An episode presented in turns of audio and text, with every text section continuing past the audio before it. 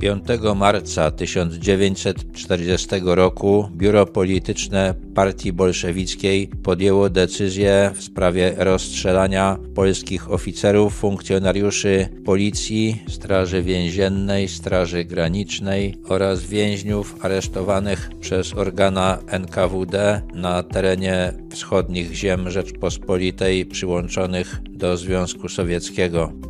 O taką decyzję wnioskował ludowy komisarz spraw wewnętrznych Ławrenti Beria. W swojej notatce datowanej na 2 marca stwierdził, że należy rozstrzelać bez przedstawiania zarzutów, bez wzywania oskarżonych, bez sporządzania i przedstawiania aktu oskarżenia 14 700 jeńców wojennych i 11 tysięcy innych więźniów. Uzasadniał swój wniosek tym, że ludzie ci są zadeklarowanymi i nierokującymi nadziei poprawy wrogami władzy sowieckiej. Decyzje w ich sprawie miało podejmować tzw. Tak Asoboje Sawieścianie pri NKWD SSSR, czyli Kolegium Specjalne przy Ludowym Komisariacie Spraw Wewnętrznych. Skład którego wchodzili Wsiewołot Mierkułow, Bogdan Kobułow i Leonid Basztakow. Notatkę zatwierdzili Stalin, Woroszyłow, Mołotow i Mikojan. Znajduje się na niej dopisek, że decyzję popierają także Kaganowicz i Kalinin. Na mocy tej decyzji rozstrzelano 4400 polskich oficerów przetrzymywanych w obozie w Kozielsku, 3800 jeńców przetrzymywanych w obozie obozie w Starobielsku 6300 funkcjonariuszy policji